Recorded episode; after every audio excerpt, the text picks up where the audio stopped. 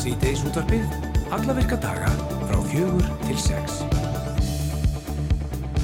Já, komiði sæl og blessuð all sömul Sýteis útvarpið heilsar og það eru Hulda Geistóttir og Jóhann Alfred Kristinsson sem ætla að fylgja ykkur til klukkan 6 í dag. Og nóg af uh, efni framöndan hjá okkur í dag.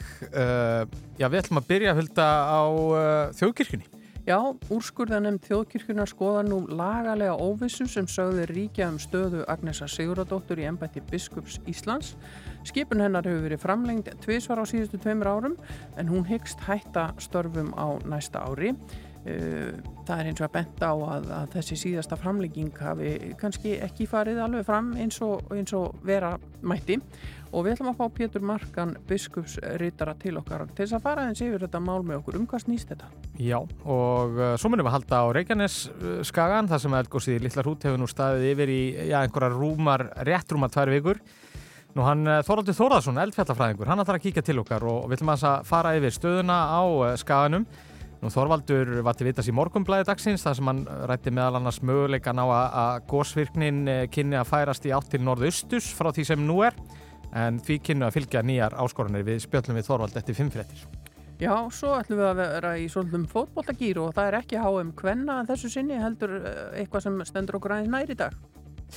Já, við ætlum að, já, við ætlum að heyra eins í, í Kópavóksbúum uh, því að framöndan í kvöldi er kannski, já, jafnvel stæðstilegu sumarsins í félagslega fótbolltanum Kallamægin þegar að Breðablíks mæti danska stórliðinu FC Kaupanahöfn á Kópavóksvelli mitt í fórgefni meistardildar Európu og það eru nú ímsa svona Íslands tengingar á milli meðal annars þá leikur nú sonur Óskars Raps Þorvaldssonar þjálfara blika með liði FCK En við ætlum að taka púlsinn á stemningunni í Kópavóinum fyrir leiknum hér undir lokþáttar og ætlum að heyri honum Kristjáni Inga Gunnarsinni fjölmjöla fulltrúa Breiðablíks.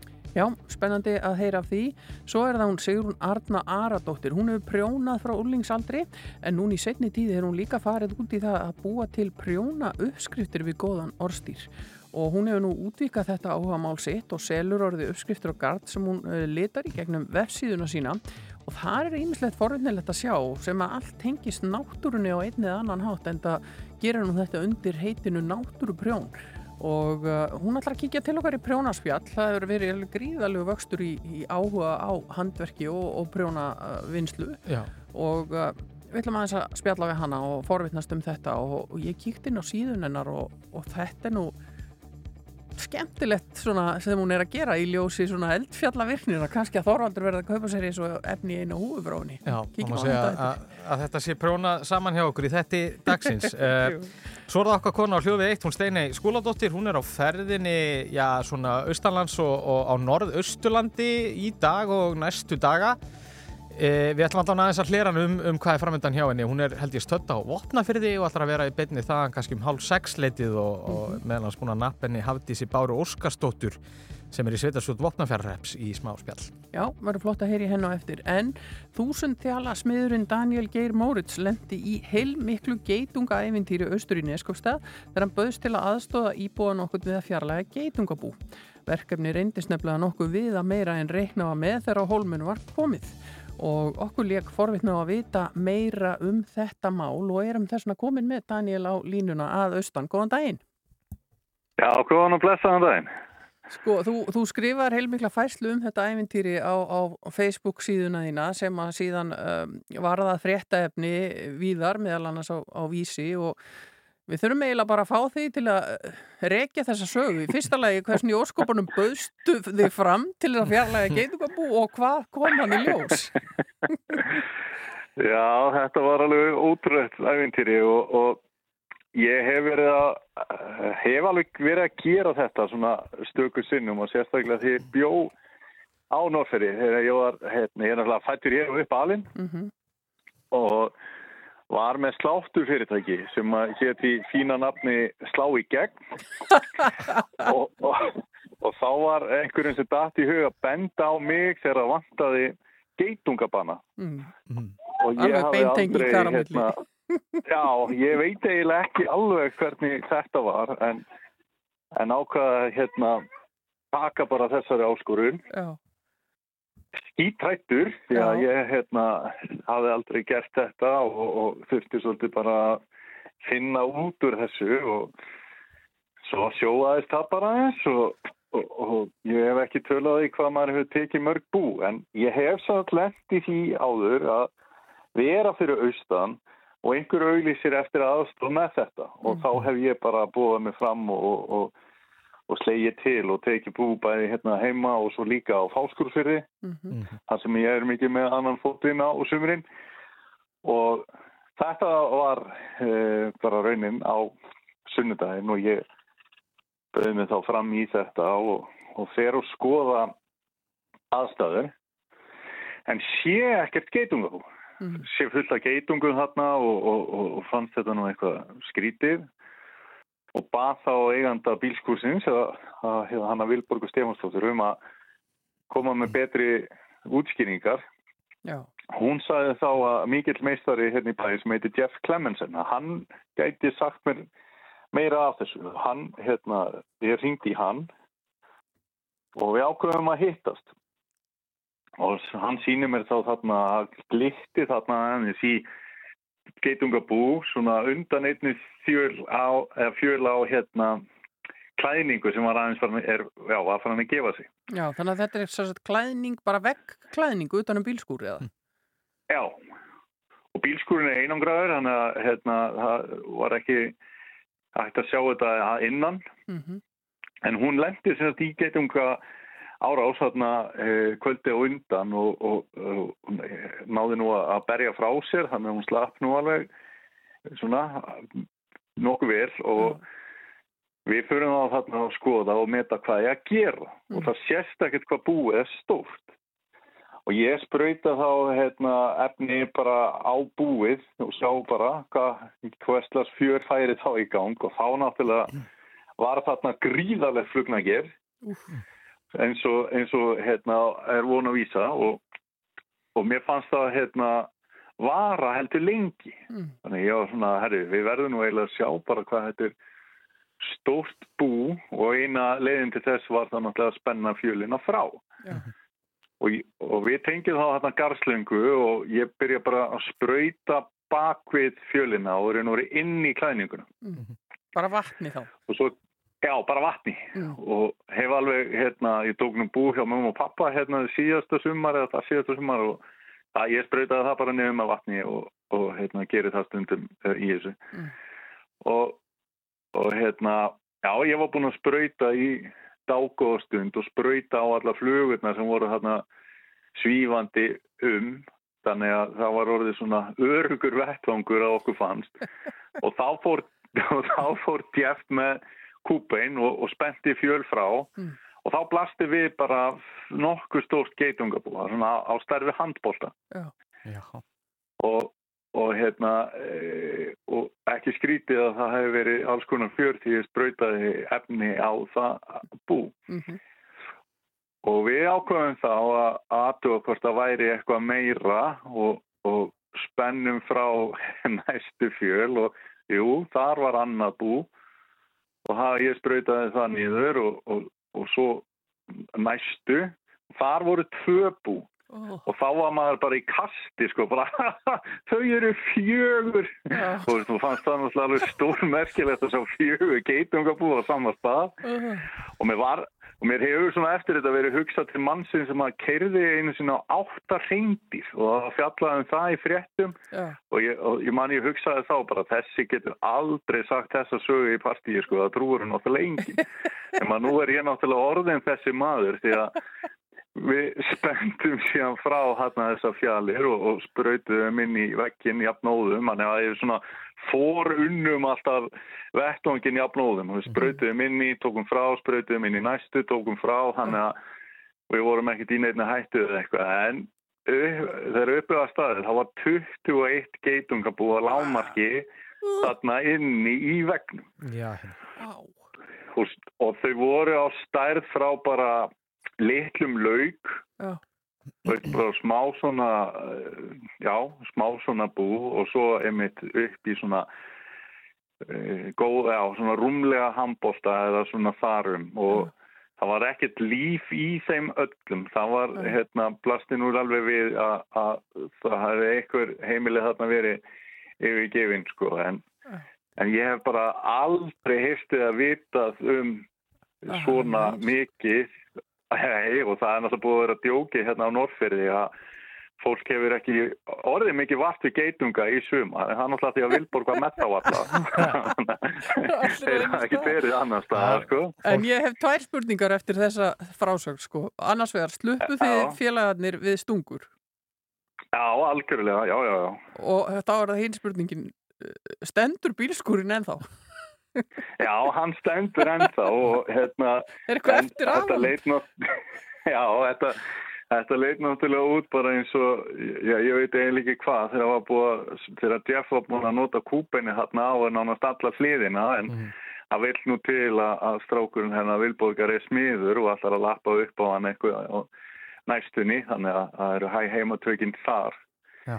En það var náttúrulega algjör snild að lendi í þessu ævintýri með Jeff sko því að það er mikill meistari. Þetta er maðurinn sem að fann upp að setja vöflutegi í fernur, mjölkufræðingur hérna sem er búin að búa lengi í, í Neskjöpstað og, og er að vinna í álverinu og er bara ótrúlegu maður sko. Þannig að það var mjög gaman að hafa hann með sér. Þannig að við erum öruglega svona eitthvað svona mest random geitungabana á dúo í heimi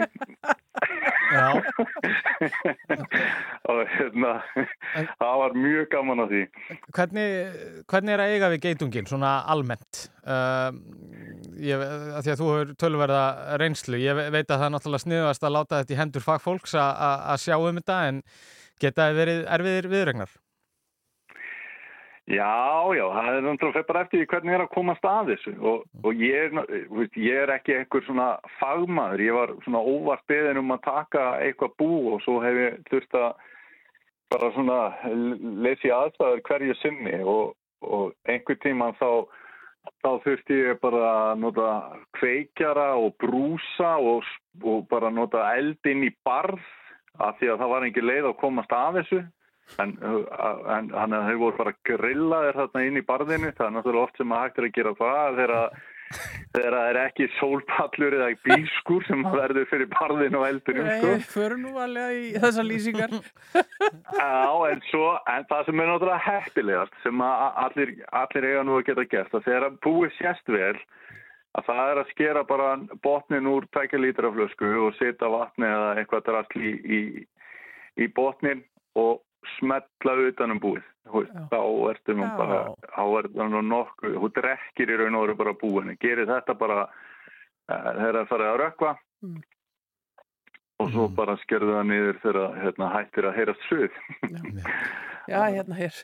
En takk fyrir að vera á línunni Daniel Geir Moritz og segja okkur frá þessu mikla geitungaæfintýri ykkar félagana þarna fyrir austan og um, e- eins og Jói sagði það, við, þar sem að fást atvinnumenn í þetta eða atvinnufólk þá, þá er það kannski einfaldasta lausnin en svo getur maður náttúrulega eins og þú orðið áhuga maður um geitungaðislu.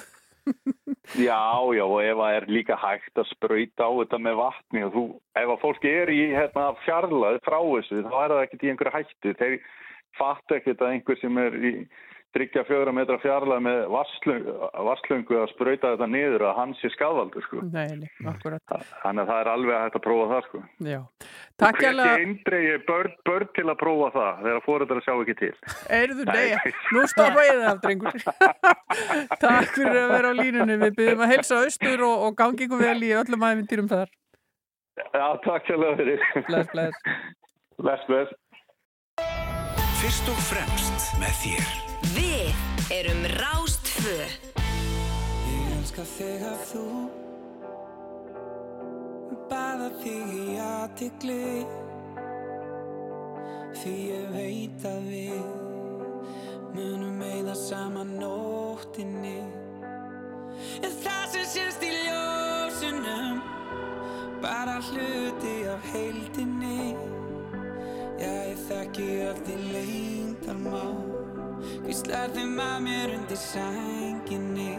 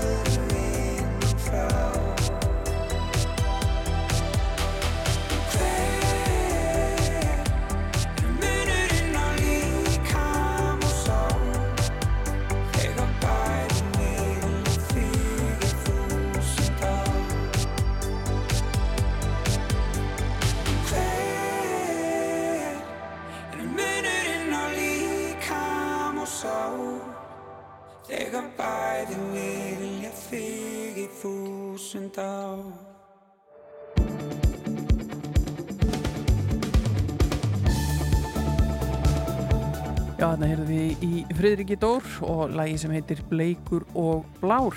En við höldum áfram hér í síðdeisútarpinu og höldum áfram að tala við áhugavert fólk um áhugavert málefni og hér næst eru það málefni biskups en úrskurðanemnd þjóðkirkjuna skoða nú lagalega óvissu sem sögði ríkja um stöðu Agnesa Siguradóttur í embætti biskups Íslands. Skipun hennar hefur verið framlengt tvisar á síðustu tveimur árum en hún hyggst hætta störfum á næsta ári og hefur uh, gefið það út sjálf og áður en við ræðum þetta mál við Pétur Markan, biskupsritara sem hefur sest hérna hjá okkur ætlum við að heyra örlítla klippu frá í hátegisfréttum úr viðtali Sigriðar Hagalín Björnsdóttur við drífu Hjartardóttur uh, Fosseta Kirkjuþings. trúlega hefði kannski átt bara að efna til kostninga því að þetta er, þetta er svo mikill óskýrleiki í þessu og það hefði náttúrulega verið gott ef að ráðuneyti dómsmála hefði kannski aðeins hjálpað okkur meira í þessu máli. Myndur þú segja að það ríki eh, bara lagaleg óvissa um stöðu biskups núna? Já, ég tel það, ég, ég er nú ekki löglær en ég tel að það sé eh, lagaleg óvissa. Já, hann er komin hérna Pétur uh, Markan, biskupsrittari og hérna, já, þetta eru orð ennar drífu í, í háttegisvettum og, og, og þetta hefur svona verið í umræðinni í dag. Uh, ef við kannski spólum aðeins tilbaka, uh, náttúrulega Agnes, hún er auðvitað sett í embæti eftir, eftir kjör 2012 sem á sér staða á kirkjuþingi. Uh, svo er uh, í raun og veru skipulatíminn bara framlengdur uh, því að það er bara hérna, það, það er ekkert gengið til kostninga 2017 og, og það sem að fólk virðist vera að rökraða núna um er að hvað hafi gæst eftir það þar að segja eftir að þessi, þessi fimm ára tí- skipunartími eftir að hún líkur 2022 og þá á grundvelli nýra laga sem að eru sett svona um, um stöðu stafsmanna kirkjunar árið 2019 Mhm. hérna Já, svona kannski bara aðeins frá þér, Hva, hvernig lítið þið á þetta? Já, takk fyrir að bjóða mér hingað. Um, við lítum þannig á að, að biskup hefur skýrt umboð. Mhm. Um, umboði raun og veru uh, kemur frá uh, fólkinu í kirkjunni sem að uh, kýs sér biskup og það er alveg sérstart ferli. Mhm. Uh, almennt er mjög góð kostningaþáttaka þegar um biskupskjör er annars vegar að ræða. Mhm. Þannig að umbóðið er mjög skýrt og kjölfarið þegar við erum búin að velja okkur biskup þá er biskup vígður, Mhm. fær víkslu og þar raun og veru uh, helgast umbóðið og það er raun og veru ekki og fer ekki fyrir en við kjósum okkur annan biskup. Þetta eru svona grundatriði í málinu. Þannig að núna framundan á næsta ári er biskupskjör uh, og það er hérna það er bara mjög spennandi hérna eftir ár framundan Agnes M. Sigurðardóttir uh, uh, tilkynnti það í nýjás áarpi sínu að, að hún hegðist láta af embætti, hún verður 70 2024 Mhm. og ætla sér að, að, að, klára að vísitera uh, landið í Hólskirkju í Bólungavík á sjómanadagin sem bara mjög viðeandi, hún var sóknaprestu Bólvíkinga, hún var prófestur vestfyrringa og það er eitt af megin hluturku biskups, það er að vísitera all landið, það er heiligræna verkefni og hún er að klára það.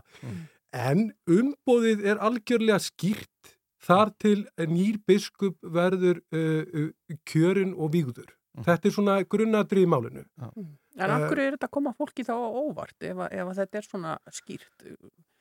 Er, er, hef, breytist þetta ekki við þessa lagabreitinga? Sko það er búið að, sko þjóðkirkjan hefur gengið í gegnum miklar breytingar á síðustu árum. Það er nú eitt af því sem að það eru umbætur, ég leiði mér að kalla það umbætur sem að eh, biskup Íslands Agnes hefur gengið með þjóðkirkjunni í gegnum og nú erum við komin eh, eh, í svona armslengt frá ríkinu, eh, sömur kallaða aðskilna ríkis og kirkju, sömur vilja kannski ekki ganga svo langt en það er alveg klárt að við erum ekki ríkistofnun og við erum ekki með ríkistarfsmenn. Þannig að, að, að við gerum bara almenna uh, samninga til dæmis við starfsfólki okkar og embættismenn sem að voru áður embættismenn eru orðin bara almenni launþegar. Uh, það er grei, gríðalu breytingafasi í þessu öllu og margar starfsreglu sem þarf að fara yfir aftur og aftur. Það er ekkit óæðilegt að það skapist einhver örlítil umræða um ímsa hluti og hvort að hlutinni þurfa að fara betur á einhverjum stað en, en ekki. Uh, ég held að hún hún er mjög vel mönnu þjóðkirkjan uh, þannig að, að, og það er samlindi í þjóðkirkjunni en hún er fjölmenn og það er stundum tekist á um hlutina. Þetta er svona gott dæmi um það en, en umbóðið uh, sem að uh, biskup hefur er mjög skýrt og ég hef nú sagt það að sko fórseti kirkjuþings og biskup Íslands hittast hálsmánalega á fundi En Það er algjör eining millir þeirra um umbóð biskups og hefur verið og hvernig að standa að uh, biskupsskiptunum uh, uh, með glæsilegum hætti. Já, sko alveg vafalaust sko en, en, en samt er drífa að segja þetta í hátíðsveitum að það sé einhver óvisa þarna og, og óvissan auðvitað kemur upp af því að það eru einhverjir aðilar sem að hérna eru ósáttir við einhverja embættisfæslur hjá, hjá biskup og það er vantala grunnurinn að því að það er verið að skoða þetta í úrskorunefndinni Já. þannig að þið óttist ekkert að niðurst á úrskorunefndarinnar verði að, það, að þetta sé það óskýrt til dæmis sko varðandi það að það sé alltaf kirkjuþing sem þurfa að blessa sko uh, áframhald skipunar biskups Ég held að við, sko, við óttumst ekkert Mhm. en við erum líka uh, alltaf opinn og við erum með málefni þjóðkirkjunar uh, hverju sinni alltaf einhvern veginn opinn og í vinslu. Mhm. Uh, Það er rétt sem þú nefnir með úrskurðanefndina að hún er þarna til staðar til þess að fólk geti leita til með sín mál.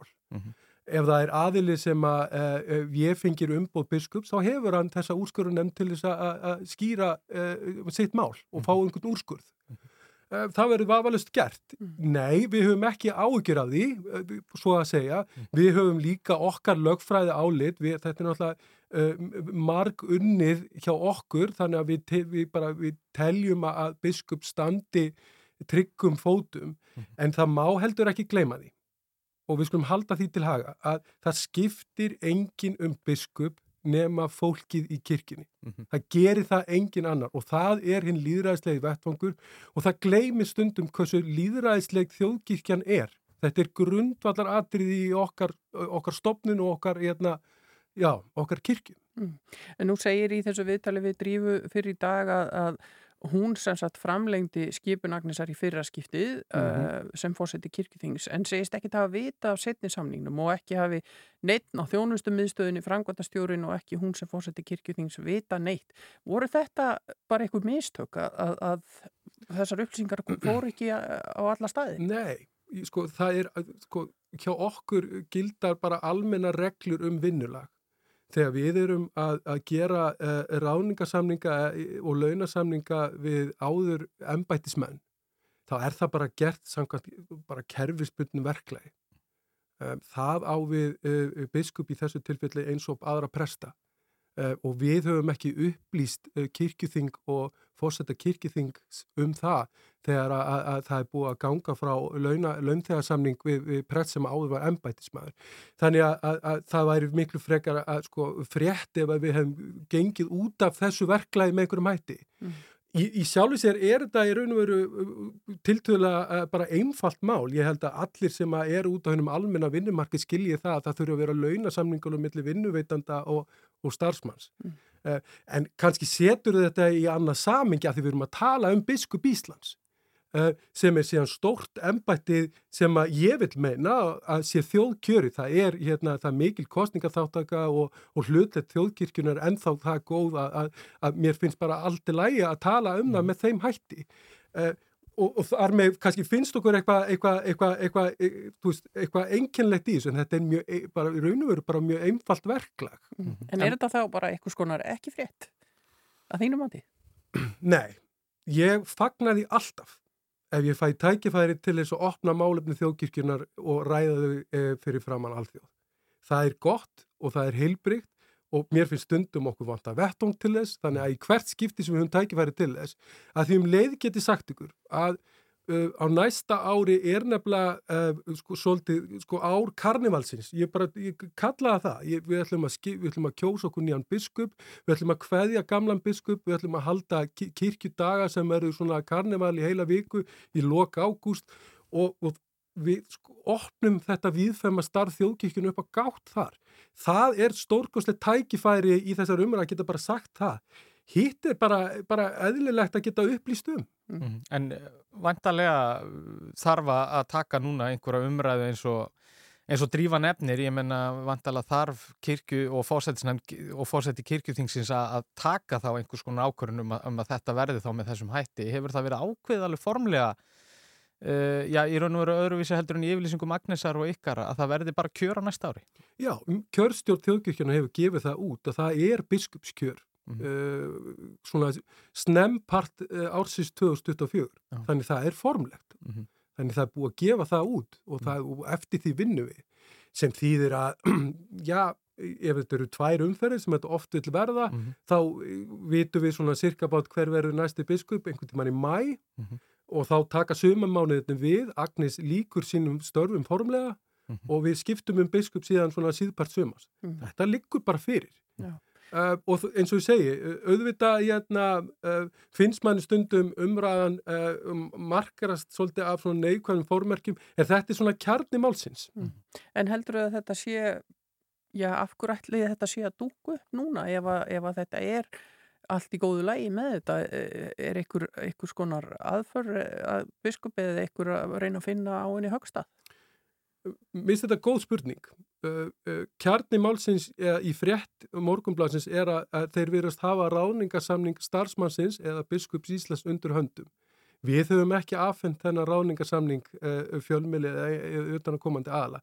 Þannig að einhvern veginn fer þessi samningur í, og endar í höndunum á morgunblæðinu eða blæðamanni sem að gera síðan bara frétt og ég gerir svo sem ekki aðtöðusendur við það. Ég held samt að við ættum ekki að einblýna á það. Ég, hérna, uh, uh, ég held að við ættum einblýna fyrst og fremst á að, að þá bara varpa ljós á máli. Það er ekkit óæðilegt þarna og síðan bara horfa til framtíðar. Þjóðkirkjan er að ganga í gegnum ótrúlegar breytingar. Við skulum ekki gleyma að þetta er, þetta er náttúrulega stopnum sem hefur lifað með þjóðinni í, í ár og aldir. Uh, stopnum sem hefur tekið þátt í mentun tekið þátt í, í velferðarsamfélaginu, tekið þátt í, á, á svo víðum grunni í samfélagi sem byggðist upp. Þannig að við eigum alveg ótrúlega merkilega sögu og eigum enn merkilega sögu með þessari stofnun. Mm. Þannig að, þú veist, ég, mér langar frekar að einblýna á það, auðvitað eru verkefni að takast á og svo er bara framtíðin björnt. Mm. Já, uh, Petur, Markan, uh, takk kella fyrir komina í sítiðis útvarpið. Takk, takk fyrir að fara gegnum þetta með okkur. Þú ert að hlusta á síðdeis útvarfið á Rástvö.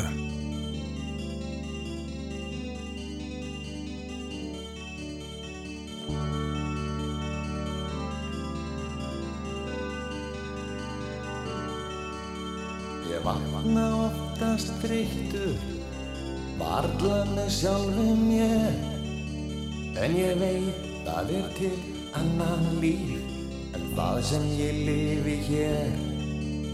Og þrá mín hún vakir Meðan þokan byrgir mér sín. Mér vistir í eitthvað annað En góða ná og tjekka og vinn Á fisknum lifir þorpið Þorskurinn er fólkinu allt. Það þrælar alla vikuna Vaðandi slór og salt Við væri bandið standa menn En þeir finna þær enga ró. Flestir þeir ungu komnir söður Þar sem af draumanum er nóg. Langaði maður vetur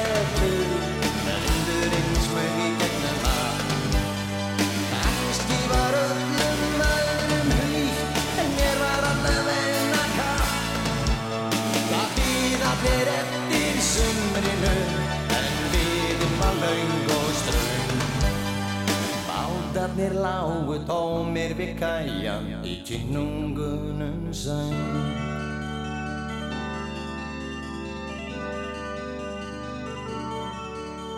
Fadir minn átti drauma sem dóu fyrir lítið þér. Mér dreymdum að verða manni en ég náð honum aðeins í nér. Ég gleymi seint þeim augum, dýnandi botlaust tón. Gamall maður fyrir aldur fram með brostinn hrjúvan róm. Þegar ég var rétt orðin sautján Um sumari barst mér frétt Að sæta dúkan Hans bens í gröf Væri orðin kasólétt Nætugnar urðu langar Nagandi óttinn með. Neldur ég gat ekki tekið tilbaka Það sem hafði skér Langaði maður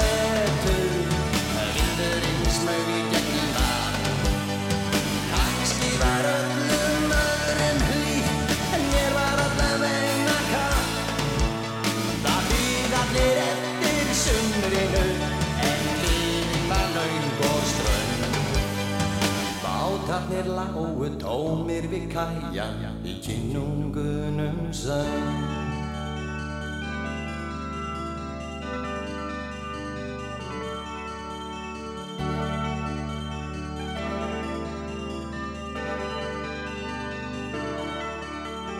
Aldrei fór ég suður, alltaf skorti mig þor.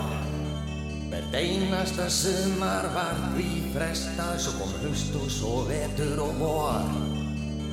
Nú er ég kominn á plani og ég pæli ekki neitt.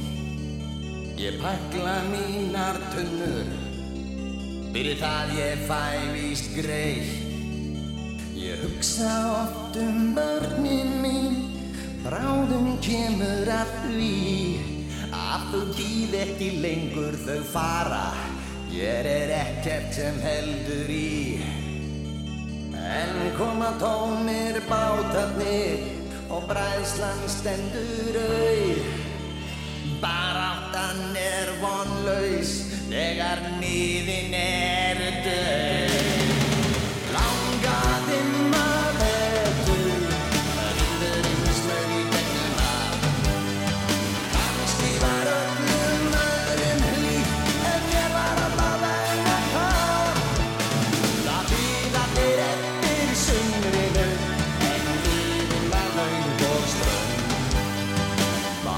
Bátarnir lágu tómir við kæjan Í kynungunum söng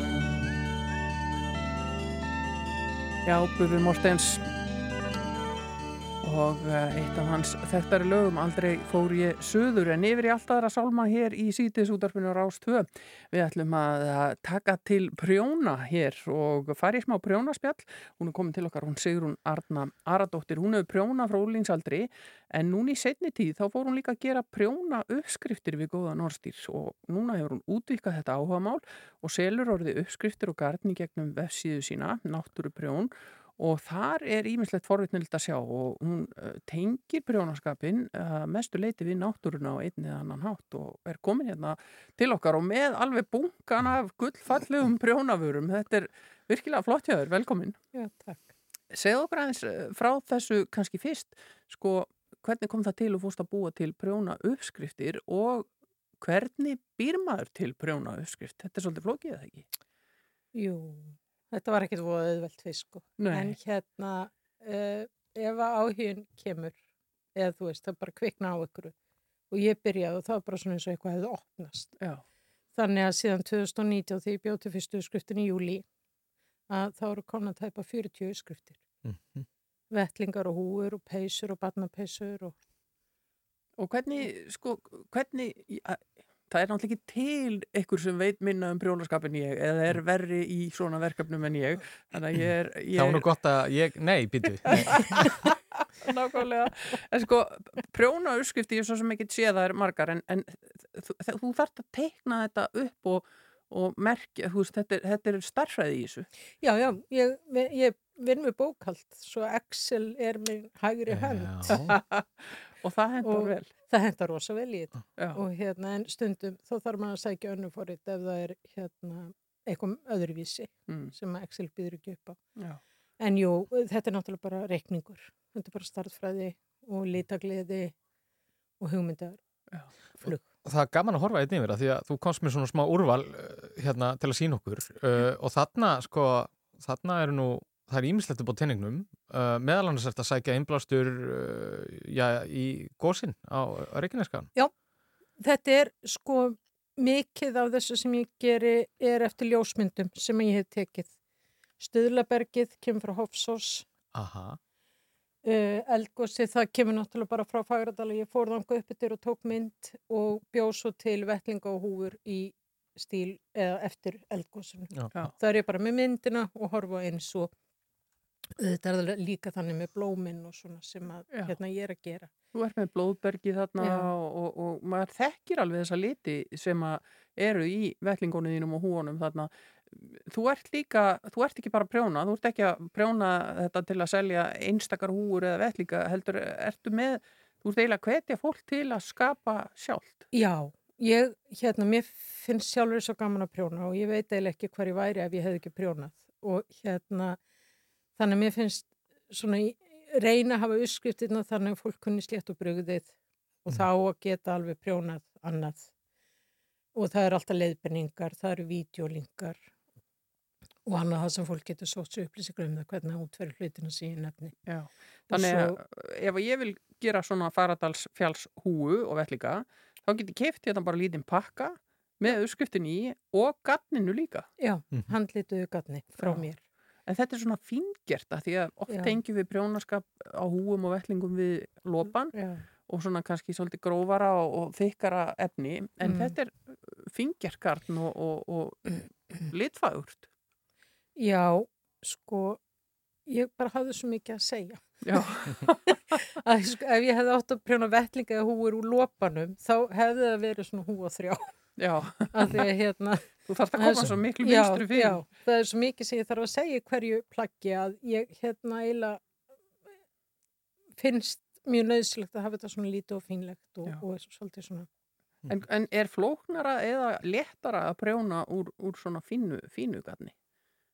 Þetta bara kannski svipað það?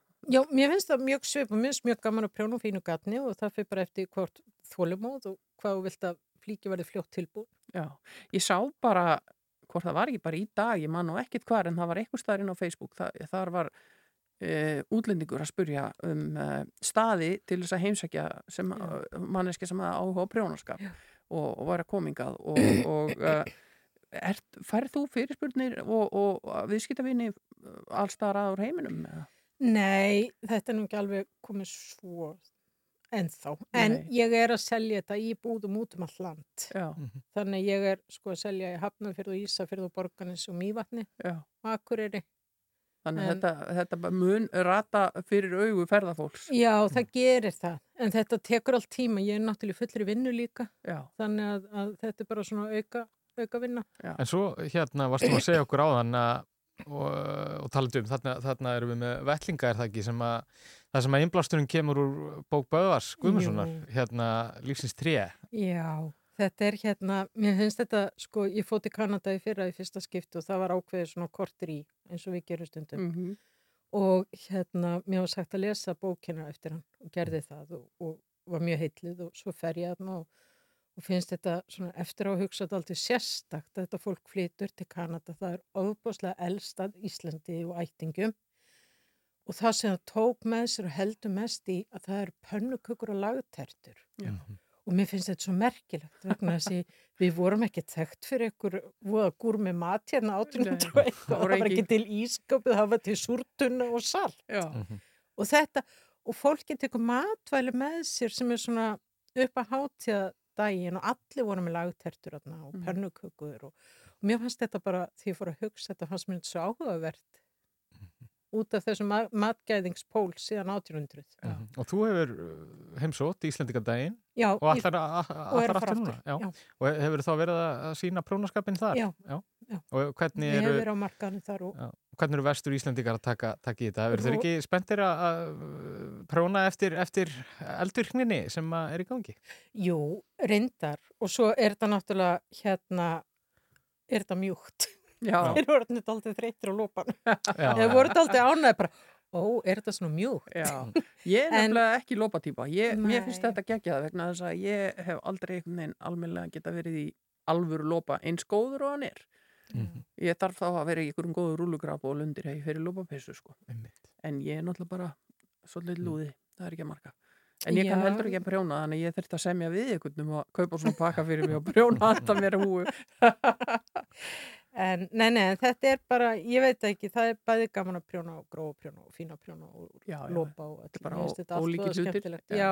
Og þetta bara hendaði því sem ég var að gera svona er fínt eitthvað. Já, þannig að innblásturinn hann kemur að miklu leiti frá náttúrunni en, en svo er þarna líka, þarna nefnur líka bókmentir og, og svo varstu með hérna, síndir okkur dæmi um, um sko þú hefði fengið innblástur af, af byrtunni á steindum Jú. gluggum Akureyrarkirkju. Já, eitthvað því varður að hausti til og var að labba, niður, var að labba með frá kirkjunu og niður tröppunar úr sundi og þá kom sólin, haussólin í gluggana og þá kom eitthvað svona glampi sem ég bara beint niður í búð Excel teiknaði.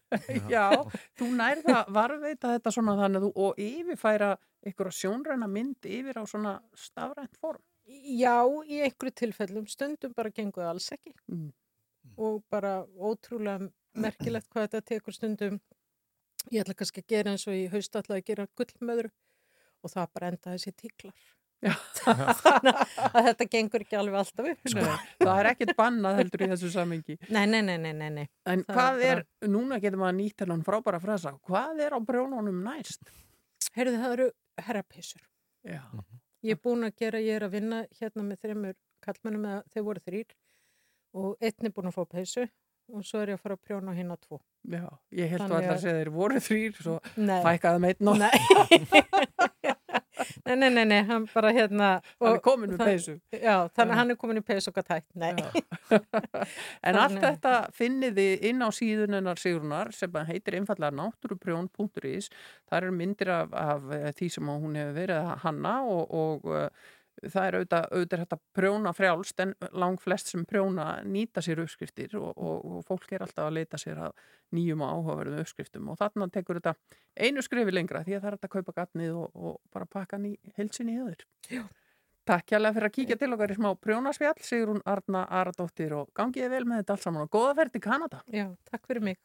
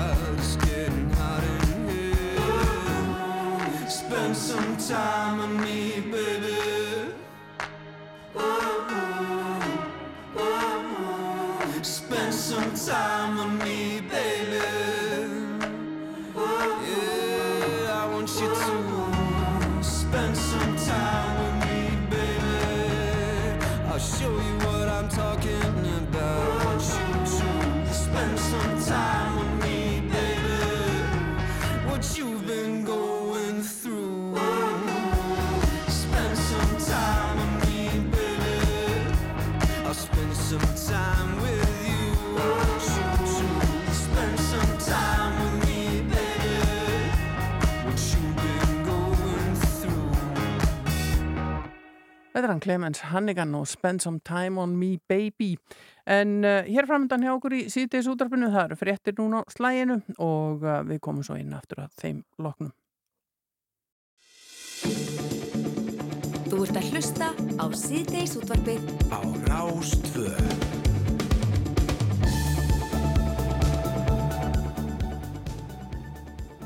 Já, áfram höldum við hér í síðdeis útarpinu, Hulda Gestóttir og Jóhann Alfred Kristinsson með ykkur í dag. Við erum búin að fjalla um ímislegt forvinnilegt hér á, á fyrri klukkutímanum. Við fórum yfir uh, já, þetta mál varðandi ráðningu biskups og, og framlenging á henni hérna aðeins áðan og, og svo vorum við að tala við hana Sigrunu Örnu Aradóttur um prjónaskapin hennar. Hún er, hún er stundar náttúrprjón. Já, og hún er að prjóna meðal annars munstrin sín upp úr uh, já, því sem fyrir augu ber á Reykjaneskaðanum í, í hérna góssónum þar og, og við ætlum kannski að vera á svipum slóðum hérna eftir klukkan 5 því hér rétt og eftir að hann að setjast hjá okkur hann Þorvaldur Þórðarsson, eldfjallafræðingur uh, Hann svona hefur aðeins verið að, að ræða svona mögulega hvernig, hvernig gósvirknin kynni að, að haga sér í framhaldinu á Reykjaneskaðanum. Vil maður mm. taka stöðuna bara svona almennt með honum hérna eftir kannski eitt lag eða svo og svo er það stórleikur í fókbaltanum e, í, í Kópavóinum.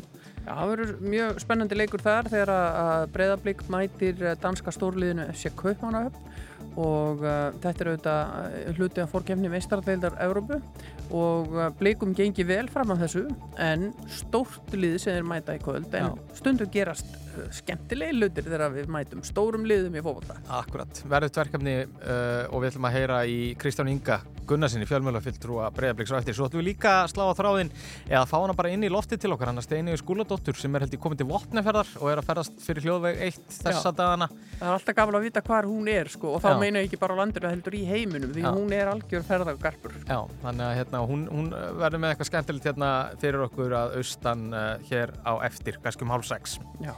En byrjum á tónlist og það er íslenskt eins og alltaf uh, mannakotni að fyrsta lagið eftir fréttir. Hérna er sungið um gamla góða vinin. Svona get ég sungið um þau jóminn eftir nokkur ár.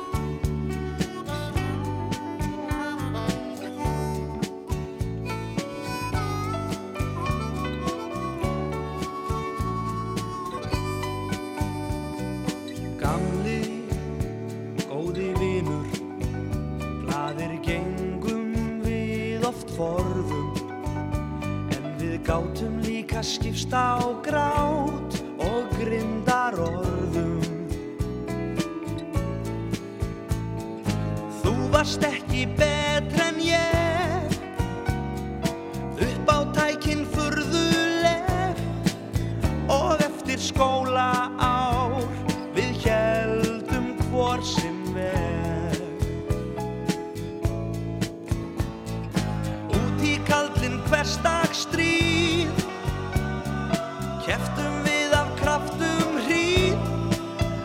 sama marki Gegnum ára langa tíð.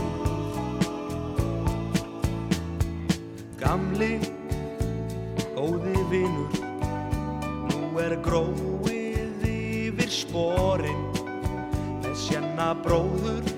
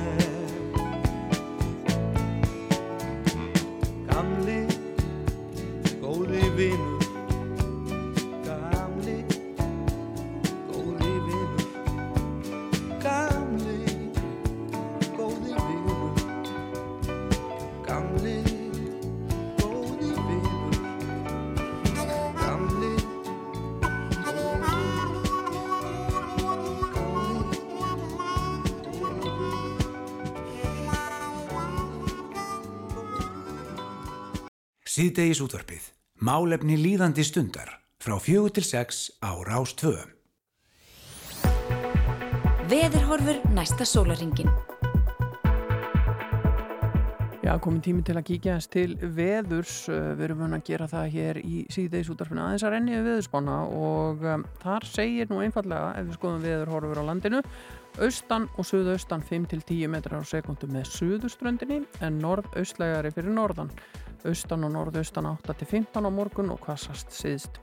Skíjaða mestu en þókuloft eða súld úti við norður og austuströndina og skúrir inn til landsins. Svo eru rigning með köplum sunnalands um tíma í nótt. Ég vissum að margir fagna því aðeins að vökva og hittin á bylunu 10 til 17 stig en þetta 5 til 10 austanlands og uh, segir hérna í hugleðingu viðfræðings að sé all mikið lægð suðvestur í hafi sem að er að reyfast til öst, suð, austurs veist þú, þú sér þú fyrir þér öst, suð, austur hvaða átt það getur verið? Nei, ekki þannig sko. En já, já. Já, já. Það gengur í austan og suðaustan kalda með suðuströndinni í kvöld og nótt. Sem sagt en norðlega er í vinda fyrir norðan. Og það er að lesa þetta auðvitað allt inn á, á veður.is en við stöldruðum við frétt inn á rú.is hins vegar sem er veður tengt og uh, tengist já nýju heimsmeti sem að, uh, var sett núna þegar 19 cm stórt hagljel fjall e, á norður Ítalíu í bænum Asano Decimo þetta mun vera það stærsta sem fallið hefur í Európa Ertu búin að opna þetta inn á rúbúnduris og skoða þetta? Nei, en ég rétt leiti yfir hér og sá mynda þessu og þetta er bara eins og geitungabúin á Neskupstað, bara í stærð sko. Nei, það er bara, þetta er ansi svakalegt og hérna ég er bara, maður myndi ekki vilja verða, verða fyrir þessu, er ljóst. og ekki, ekki fá þetta á bílinn sinni eða húsið sitt eða Nei. eitthvað hvet ykkur til að fara inn á rú.is og skoða mynda þessu það er hérna uh, mynda þessu þetta er sem sagt met sem var slegið eftir aðeins fimm daga það fyrir uh, síðasta var sett að 19. júli Mm. og það var í Cara Mignano di Brenta á Ítalíu og þá voru það 16 cm þannig að það er, það er mikið eh, gengur mikið á í veðrinu þannig að syðra Einmitt.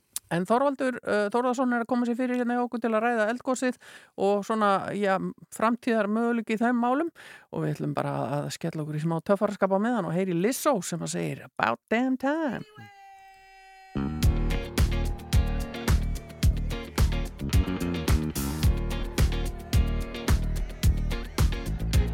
It's bad bitch o'clock, yeah, it's thick 30. I've been through I'm still flirty. Is everybody back up in the building? It's been a minute, tell me how you're healing. Cause I'm about to get into my feelings. How you feeling? How you feel right now?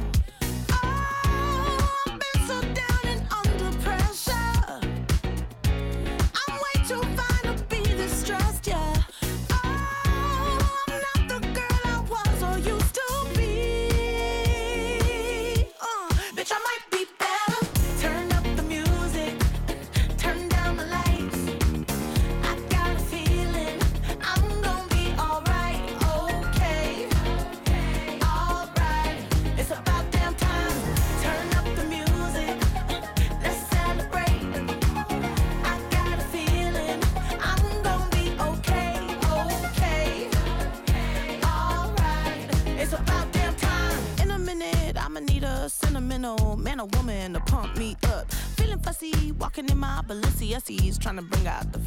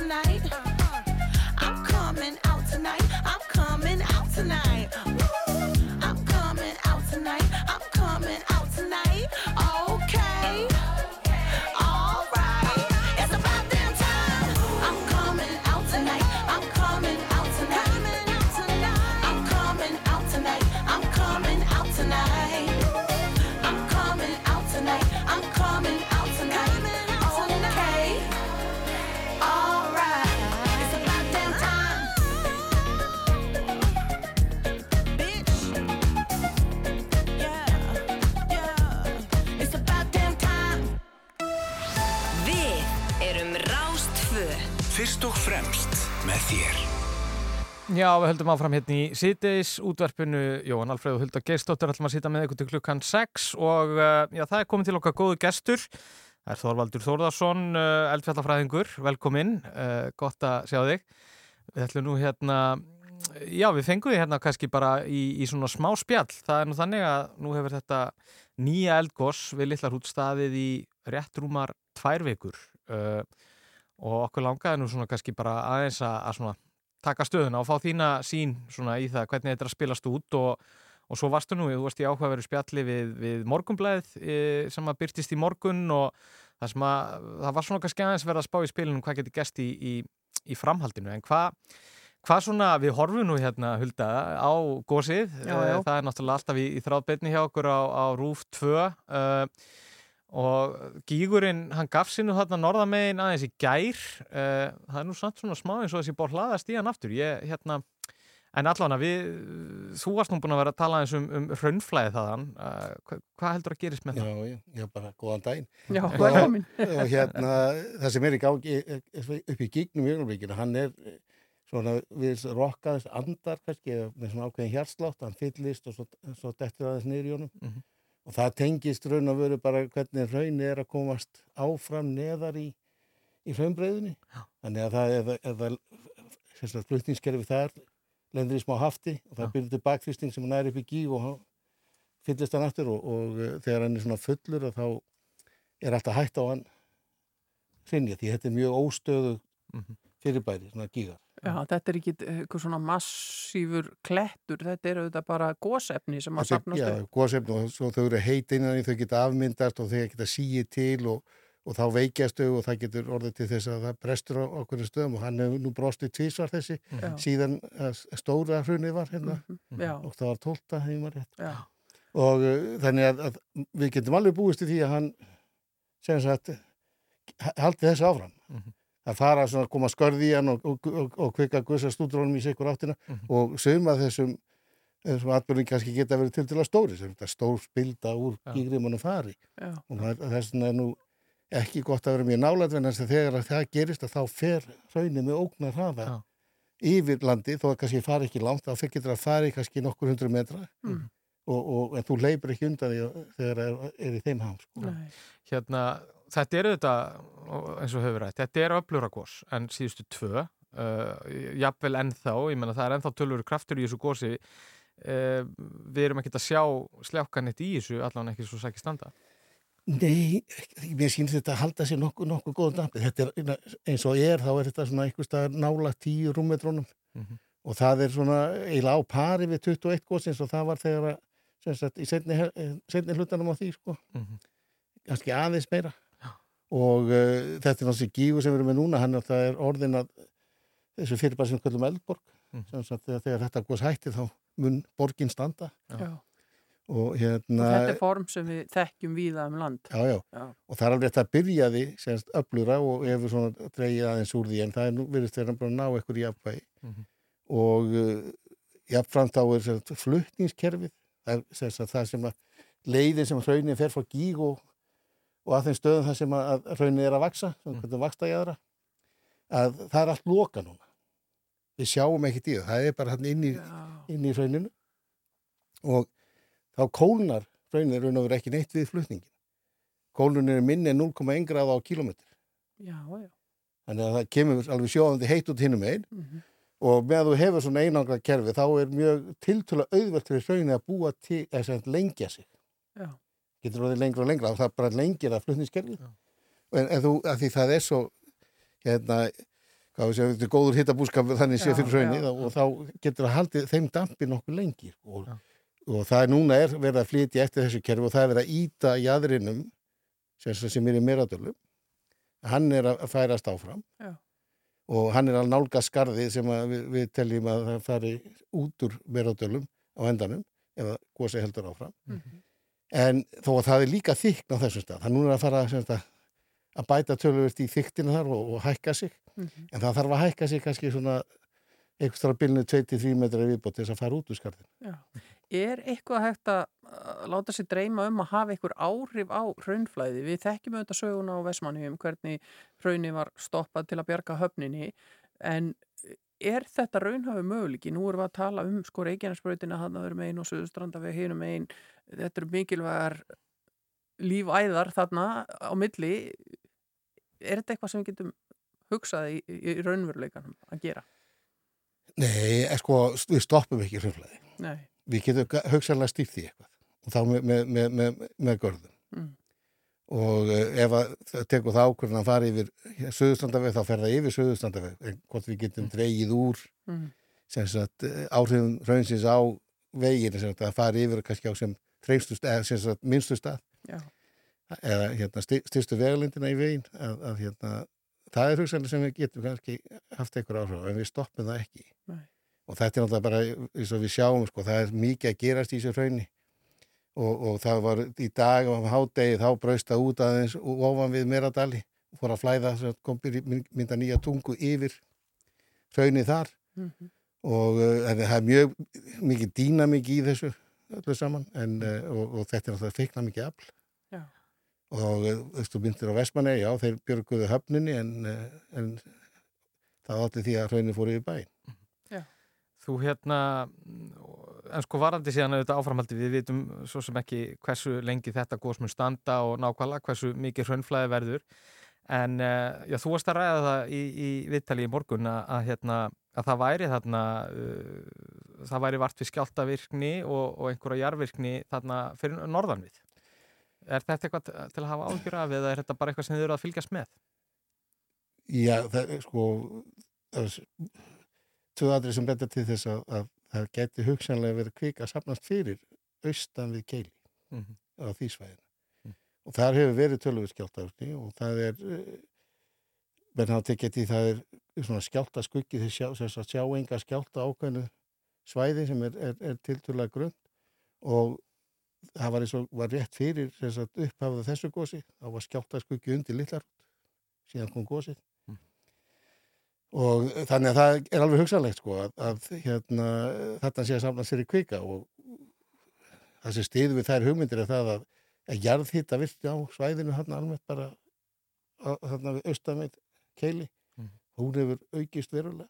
Það er, er töluverð nýjir sagt, nýjar jarðhitta gufur að koma upp Mhm. og með útfællingum og öðru sem betur til þess að, að, að það sé hítið hann undir sem að, að líklega tengist á kviku og, hérna, og það er náttúrulega ekkert óhugsandi að það kom upp jarðeldur einhver staðar annar staðar þó að annars sé í gangi þarna sunnan við eða eitthvað slíkt. Nei, nei, en það er sko ég myndir að halda það að, að það er ólíklegt að það kom upp norðan eða norðaustan við keili. Mhm. en það getur komið upp austan við keili eða þá kannski enn líklega að hann kom, kæmi þá upp í, í, í grendu í tröllatingi. Mhm. þannig En- að þá var það búin að stökkva yfir í næsta kerfi svo. Já, en hangir þetta eitthvað saman talandi um þessi kerfi, sko, gætu við séð á sömu línunni mörg gós í einu eða? það er alltaf möguleiki en kannski frekar ólíklegt. Já. en, eh, og eh, það er hægt að hugsa þetta kannski fr- frá út frá tveimur sjónar, sjónarhóðnum mér að sömur hafa skipt þessu skagan upp í kerfi og, og vilja þessi kerfi séu svona á- sjálfstæð ákveðin hátt. Eh, ég held þetta, ég er ekki alveg svona jafn samfærum að þetta sé svona alveg sérstæð kerfi en, en það er alveg hugsanlegt að það er undir Reykjanes skagan að sé til dæla stór kvíku þró það sem að kvika sapnast og þá sérstaklega þegar engin gósir þá er að sapna kvikun í þessa, í þessa þró. Og uh, þegar að ástandið er þannig á skaganum að það er vænlegt fyrir eldgós þannig að þá uh, fara skjálta, segi fyrir brotin sem að verða og búa til skjáltana sem Mhm. tengjast plötunhíkinu að þá opnaður leið fyrir kviku upp til yfirbórs og þá kemur hann upp til verið, og það bara fer eftir hvar það opnast fyrir kvikuna þegar komið upp og það, það getur þess vegna verið sko á einum eða tveimur stöðum í einu eða, eða semst, og náði yfir allt reykjanesi. Já. Sástu fyrir þegar þú ákast að að verða eldfjallafræðingur að þú ættir eftir að lifa þá tíma að hér eru þið bara gós við byggð árlega? Nei, það gerði ég nú ekki en maður gerði svona alltaf grein fyrir þegar maður var fann að læra pínlít í eldfjallafræðinni og sérstaklega í eldgós og sögu Íslands Mm. að, að slíki hluti geta gerst. Og, og þetta er það sem við þau búið við síðan í þá, frá landnámi. Meina, það voru landnámsmenn þeir slupp ekkert sko. Þeir fengu Hallmundarhraun og þeir fengu Elgjá og þeir fengu Köllu 920 og svo hugsanlega allavega þeir sem komi hér fyrstir hugsanlega fengið vatnaöldugósið sem menn, þekkja sem landnámslægi það er gjóskula sem finnst mjög víð um Ísland og öll þessi gós er ekki neins smágós. En við erum hérna enn. við erum hérna enn og, og, og það er hægt að, að, að, að, lifa með þessu eins og, eins og mörg öðru og, og, og hérna og maður lærir bara að lifa með því og það er náttúrulega mjög mikilvægt að, að, að við sem samfélag sem það lærum eins vel eins og við getum að, að, að draga úr áhrifum þessara atbyrða á okkar daglega líf og, og einstaklega bara atvinnum vegi og, og hérna og skemmtur líka Mm. og vantalega samt áskoranir sem að talandi um eins og ef að ef að góðsveikning færist þarna aðeins norðu fyrir og meðal annars nær Reykjanesbreytin og svona, það er alveg áskoranir sem fylgja því að, að, að þurfa að fara að huga að því og, og líka auðvitað þessari mengun sem að ég lánu hérna yfir okkur núna í einhverja þrjá, þrjá sólhenga. Já, og hún, sko, svona eldgóðsur er, eins og ég segi, þetta er tilröð, þannig að fær maður tækifæri til þess að geta gert mælingar á ýmsum hlutum og, og lært fullt af nýjum hlutum. Mhm. Maður, og, og við erum alltaf að læra.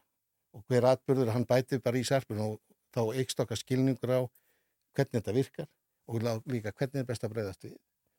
Og svo fáum við líka að gera svona smá tilraunir eins og að, að, að setja upp varnagarða eða leiðagarða og, og sjá hvort við getum stýrt hrauninu á eitthvað nátt og Mm. þannig hjálpa til við að draga úr áhrifum hraunflæðisins á, á mannvirki. Já, það, það kannski gekk ekki alveg upp hann síðast þegar þessi garðar voru gerðir. Jú, jú, það gekk 100%. Þeir höfðu áhrif eða...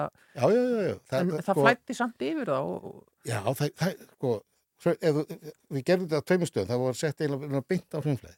Já, Og ef þú gerir slíkt, að þá, þá hlæðist það bara upp fyrir aftan, Já. þá til að kemst yfir. já, já, bara eins og stípla. En garðarnir stóðu. Já, Það var það sem að, sko, það, við töfðum, hægðu það á þessu. já, við hægðum, hægðum á hraunflæðinu og við töfðum það að færi nýri í náttaga. Og, og það, það var raun og veru tilraunin var, hún snýrist ekkit um annað heldur en að sjá hvort að garðarnir, sem við tökum bara ef, staðbundið efni, Mhm. mókum því upp í garða, dugar það til þess að Já. halda þessi svo, svoleiðis garðar og það gerður þannig að þetta var, hérna, gekk mjög vel upp hjá okkur. Væri hægt að búa til einhvers konar manngerða rás bara út í sjó á, á besta mögulega stað? Já, það, jú, jú, það er hægt að gera og það hjálp, myndi hjálpa til þess að, og hún þarf ekki endilega að vera svo stór og mikil. Mhm.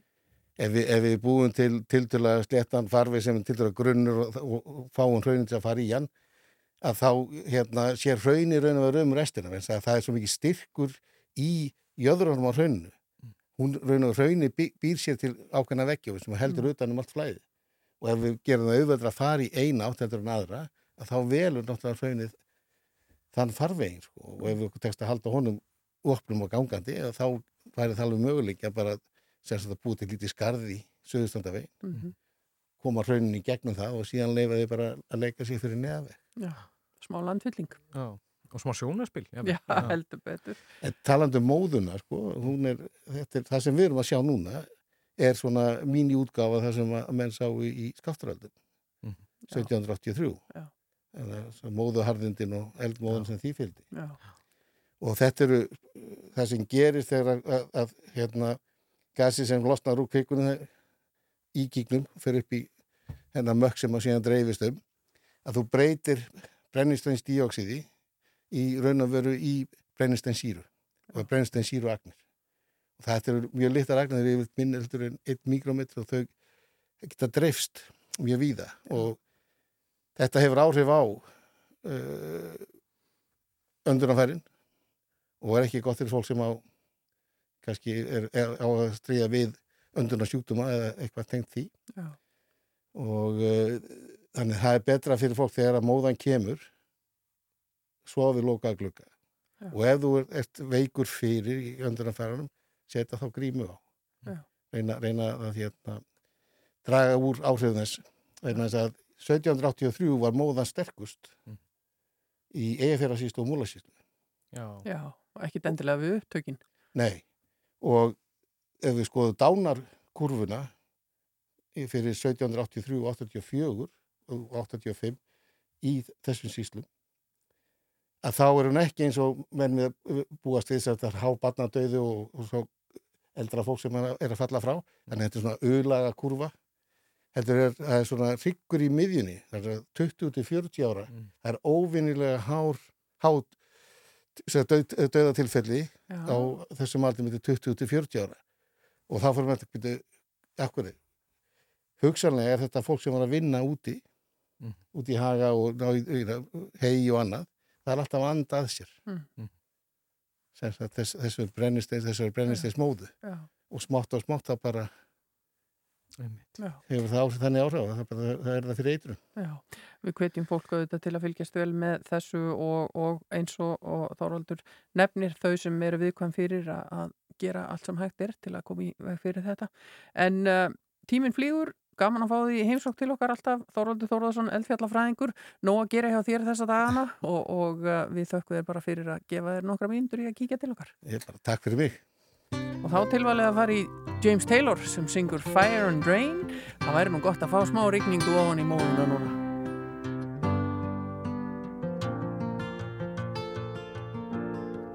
Just yesterday morning, they let me know you were gone. Suzanne, the plans they made put an end to you. I walked out this morning and I wrote down this song. I just can't remember who to send it to. I've seen fire and I've seen rain. I've seen sunny days that I thought would never end. I've seen lonely times when I could not find a friend. But I always thought that I'd see you again.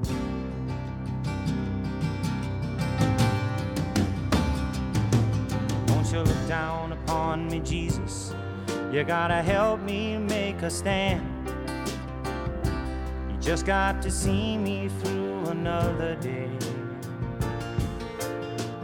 My body's aching and my time is at hand. I won't make it any other way. Whoa, I've seen fire and I've seen rain. Seen sunny days that I thought would never end. I've seen lonely times when I could not find a friend.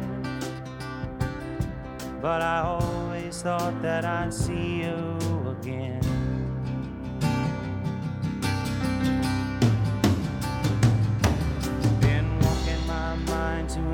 Time. My back turned towards the sun. Lord knows when the cold wind blows, it'll turn your head around. Well, there's hours of time on the telephone line to talk about things to come. Sweet dreams and flying machines in pieces on the ground. Whoa, I've seen fire and I've seen rain. Seen sunny days that I thought would never end. I've seen lonely times when I could not find a friend. But I always thought that I'd see you, baby, one more time again. Thought I'd see you one more time again. There's just a few things coming my way this time around now. Thought I'd see you, thought I'd see you. Síðdeis útvarpið alla virka daga frá fjögur til sex.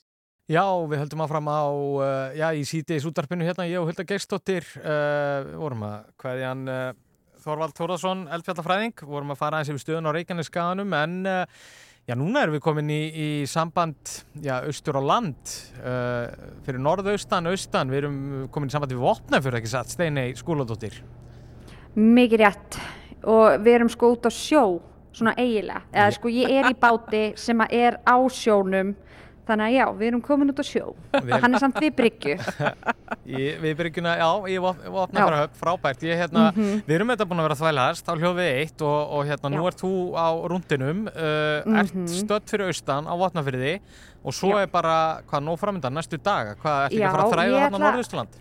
Jú, það, þetta er sko svæðið sem ég, ég er aldrei spennt, ég er sko ættuð hérna með þessi þannig að ég býst við því að svona allt fólki sem ég er að fara að hitta á sé bara frændfólk mitt, ég er að fara á, á Bakkafjörð og Þórshöfn og Rauvarhöfn og Kópasker og bara svona tjekka á þessum ættar tengslum sko, Já. sjá hvaðan ég er en líka náttúrulega, eða þú veist, fyrst og fremst er ég að vinna fyrir ástöðu en líka að finna sjálfa mig í leiðinni sko. Já. það er alltaf með Það er ekki. Það, maður, Það fylgir þessu. maður er alltaf að ferðast með sjálfum sér, það er víst. Já, en, hérna, algjörlega. Já, en þú ætlar að koma inn í dagskána næstu daga og svo þetta er hljóður Mhm. eitt á dagská og lögatum eins og venjulega. Uh, en hvað Mhm. segirðu, hvað, hérna, hvað ert að þvælast þarna við höfnina? sko, ég keiriði inn í Vopnafjörð og þá sá ég bara að það var uppsjávarskip, ég er búin að læra þetta, ég hef ekki að segja tóri, ég á að segja uppsjávarskip uh, sem að var hérna við bryggjuna og ég hef aldrei farið um borð í svoleiðis þannig að ég bara keirði framhjá skiltunum þar sem stóð enginn má koma og ég bara veifaði því að ég var að vinna fyrir rástvö þannig að þá megi ég örgla að koma og svo bara ætti ég um borð og fann hérna skipstjóran hann Berg, hvað segir Bergur? Ég sé bara allt fínt. Hvað finnst þér um að ég hafi bara svona ætt inn í bátiðin? Það er bara fínt, verður velkomin. Já, takk fyrir það, eða bátiðin, ég má ekki kalla bát. Jú, jú, jú. Aha. Bátskip eða hvað þetta er. Já, hvað kallar þú þetta? Ég kallar þetta bara uppsjáðskipi. Uppsjávarskip. Fjölveiðskip. Já. Og sko uppsjávarskip er ólíkt til dæmis öðrum skipum af því að Já, við erum bara að veiða þennan hefðbundna uppsjávar fisk sem er upp í sjónum, ekki bóttról. Og við erum á trolli og nót og, og það er kannski eins og loðna og makríl. loðana, magril, síld, kolminni. Það er nú þessar tegundir sem að eru helst og við erum á magril við núna. Og hvernig er búið að ganga? Heyrðu bara þokkalega. Já. Já. Makrílin er að láta sjá sig.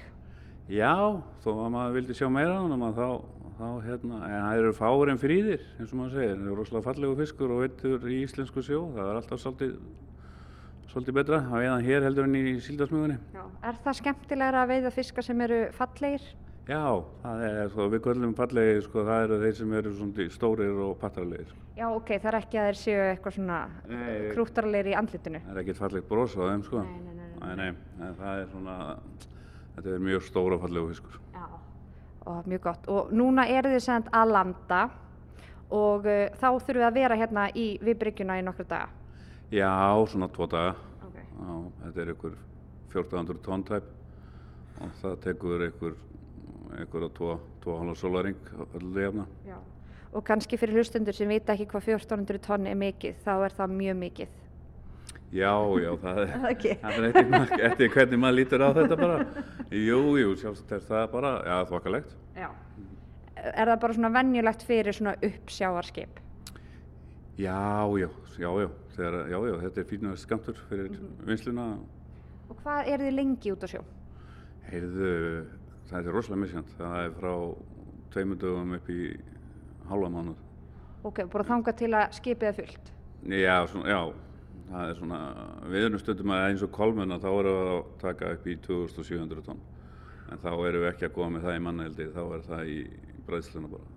Aha, aha. Þá erum við svona yfirleitt viku. Ok. En ok, mér langar smá að spyrja að því að við erum hérna upp í káetunni. Já, brú heitir þetta. Við erum hérna upp í brúnni. ég er sko mjög spennt. Ég hef náttúrulega ekkert, eins og ég segi, ég hef aldrei komið upp í svona, svona skip. Uh, það sem, þetta er rosa flott skip og það sem að uh, svona lýsir best hvað þetta er flott skip, það er hvað eru stórir skjáir hérna. Já, allir þessi ekki bara aldurinn, sjóninn. Já, ok, þú baðst um þetta. Já, já, það er búið, þetta sér hann að vera mig. Og ég, mér tek eftir að það er hérna sjónvarp Símans á skjárum, sjónvarp Símans Premium. Ertu mikið að horfa að það? Nei, nei, það er bara þeirra skipið er stopp. Ah, hvað ertu að horfa á? Ég horfi voða lítið á sjónvarp, bara ég horfi á f- fréttirnar bara og það maður missir aldrei að þeim. Nei, einmitt. En hérna, svo bara rúlar þetta svona, bara hvað er, hvað er á. Já. Ég er ekki að velja mér einhverja þætti eða eitthvað. Nei, ok. Jæja, ég mæli með afturheldingu. Ertu búin að horfa það eða? Nei, nei, ég, ég skal bara taka þetta í greina. Er það ekki? Jú, jú. Heyrðu, takk kærlega fyrir að leifa mér að koma og vera spennt hérna uh, manneskja í fyrsta skipti á uppsjávarskipi, Bergur. Já, þá ertu búin að pröfa að fara á sjóu uppsjáðskipi. Ég, get, get ég sagt fólki það, get ég sagt vinnu mínu það að ég hafi prófað að fara á sjó núna? Já, já, það hagraði sannleikanum aðeins, þá er það Heyrðu, ég ætla að senda aftur boltan upp í efstaleiti og, og halda áfram að hérna gera mér heimakært hérna á uppsjávarskipinu. Frábært. Takk fyrir þetta Steini, við heyrum frá þér aftur eh, næstu daga og, og segjum bara góða skemmtun og, og takk fyrir spjallið. Takk sem leiðis. Já, við ætlum að taka eitt lag og svo ætlum við nú að slá þráðinn eh, til hans Kristjáns Inga Gunnarssonar. Hann er fjölmjöla fulltrúi breyðabliks en eftir svona einn og halvan tíma þá hefst stórleikur blika við danska stólið eh, FC Kaupmannhöfn. Já, það verður spennandi að heyra stemmingun í Kóbóinum. Þetta er Stephen Sanchez sem að segja Until I Found You. Ja, ja.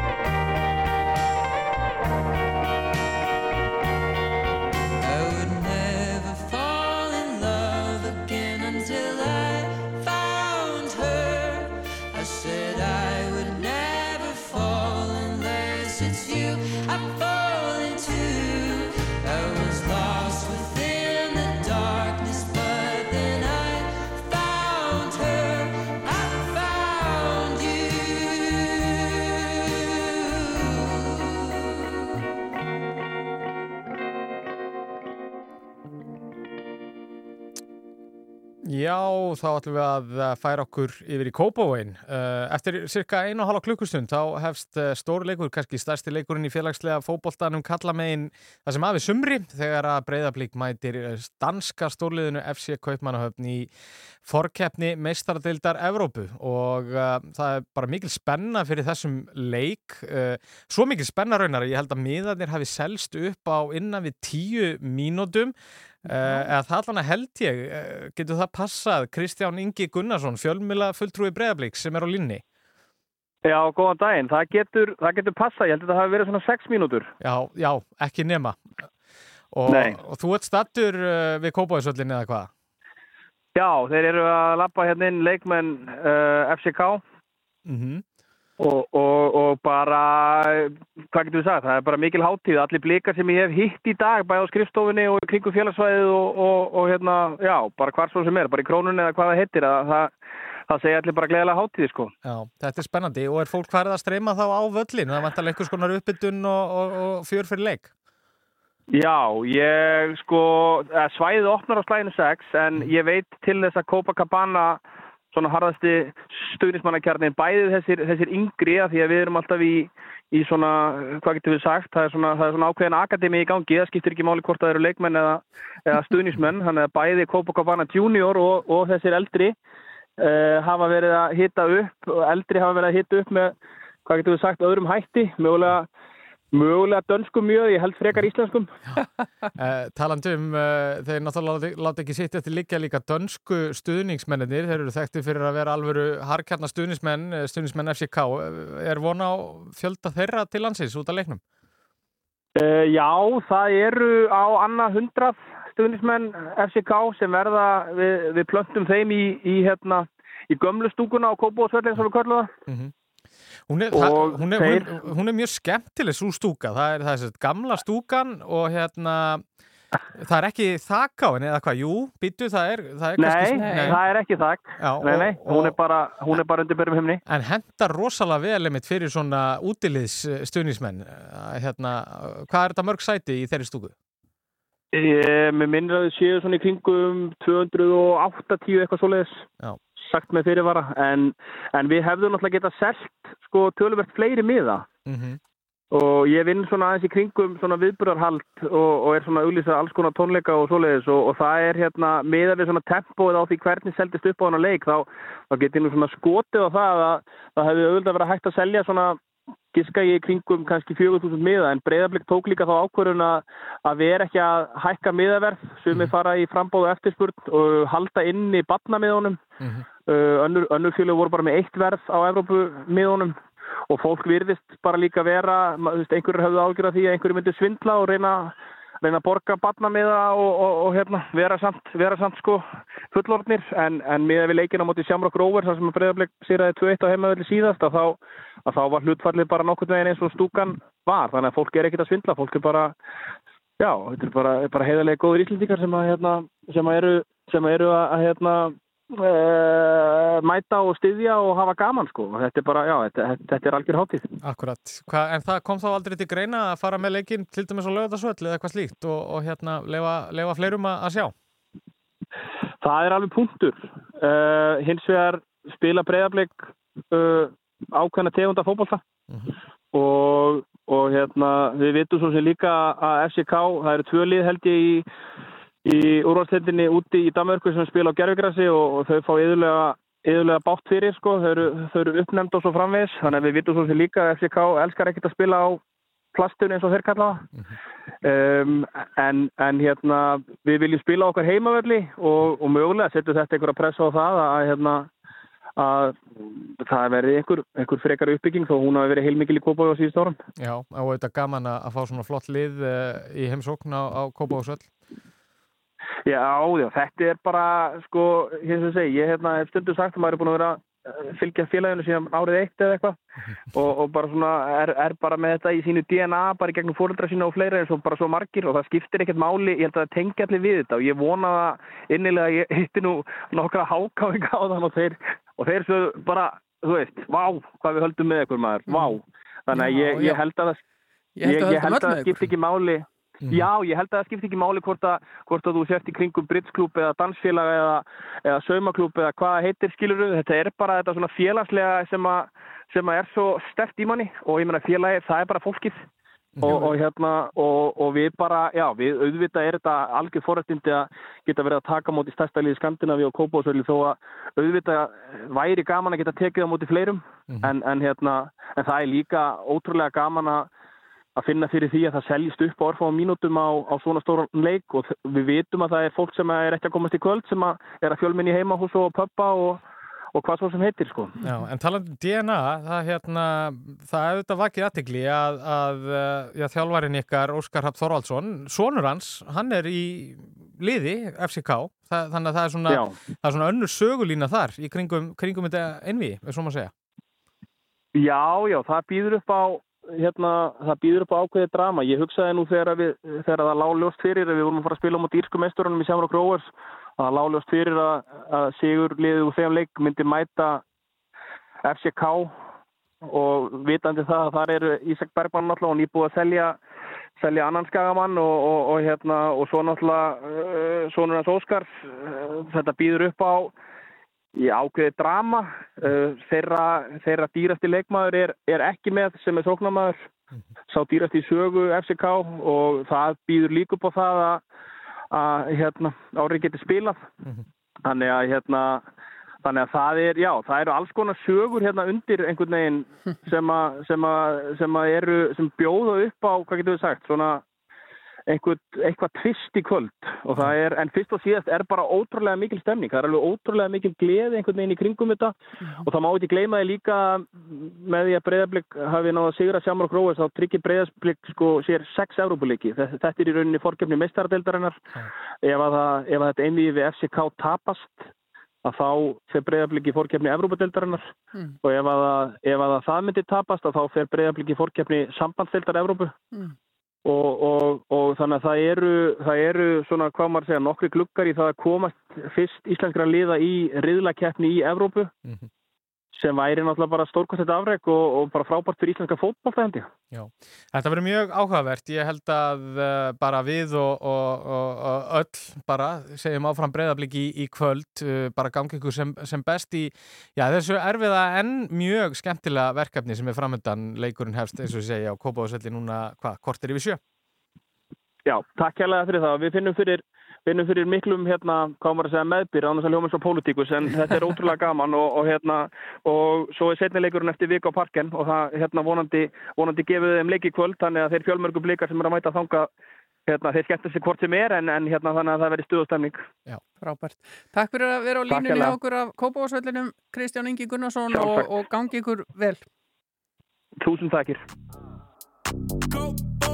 Sló í gegn eins og karate. Rúla tjúft, ég tek alla með. Bærin og ég það er sama sem Og ég man ekki hvernig það að tapa er ég. En með keðjundu treyjunni. Og með pening í tegjunni Fyrir liði, fyrir liði mitt. Ég er bærin, ég er breyða blik. Meta lígjur á mér svo ég skín. Hver allar að stíga upp til mín? Tali bara, gerið eitthvað please. Hver allar að stíga upp til mín? Ertu inni eða úti? Eru þið inni eða úti? Vertu inni eða úti? Ég fer hart, bara hart fyrir klúbun Ertu inni eða úti? Ertu inni eða úti? Ertu inni eða úti?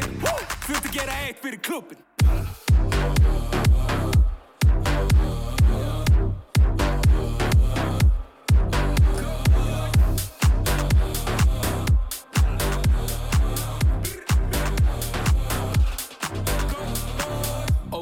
Ok, með byggar á hillunni.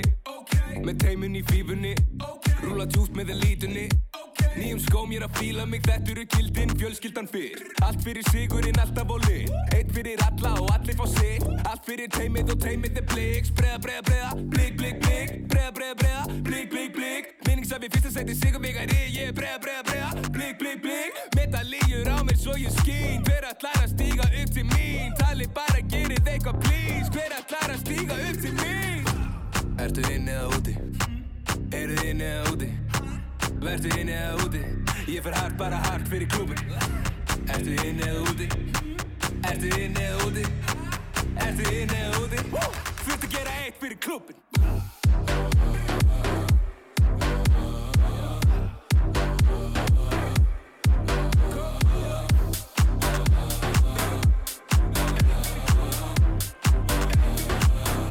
Þurftu að gera eitt fyrir klúbun Ég er breyða blik.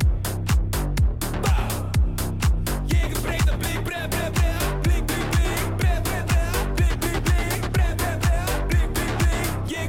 ég er breyða blik. Rástfö, fyrst og fremst í 40 ár. Já, þetta var að sjálfsögða herra hnettusmjör með uh, eitt fyrir klubin Já. og uh, sendu góða kvæður til blika sem að eru að fara í stort verkefni á eftir en það komið að lókum hjá okkur og við verðum hérna aftur á morgun með síðdeis útvarfið og ætlum að enda bara í dag á, á léttu lægi og, og þakka fyrir okkur. Já, takk, takk. Það er Múkisson sem á síðustu tónana í dag. Þetta heitir Stóra, Stóra Ást. Takk fyrir að hlusta og vera með okkur. Heyrumst aftur á morgun.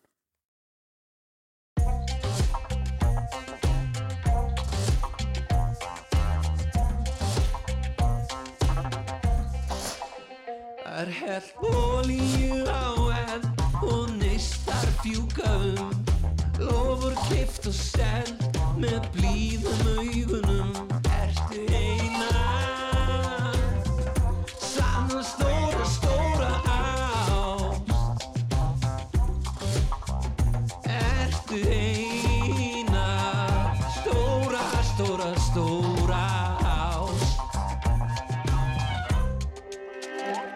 Loftið er hlaðið háspennu Meir en orð fálýst. Taugabóðin í blóðinu Svo trillt og káttís Ertu eina? Sanna stóra,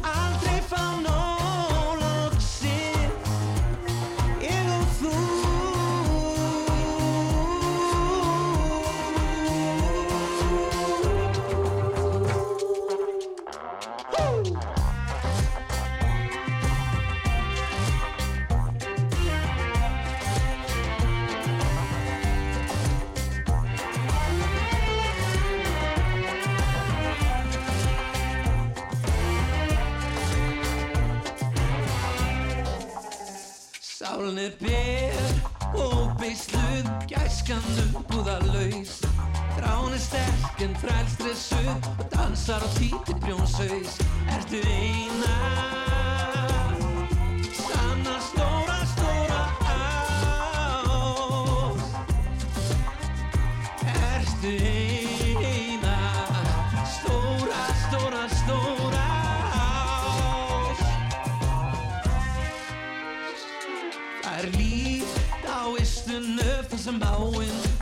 foss.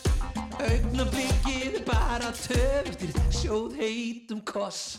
Ertu eina Sanna stóra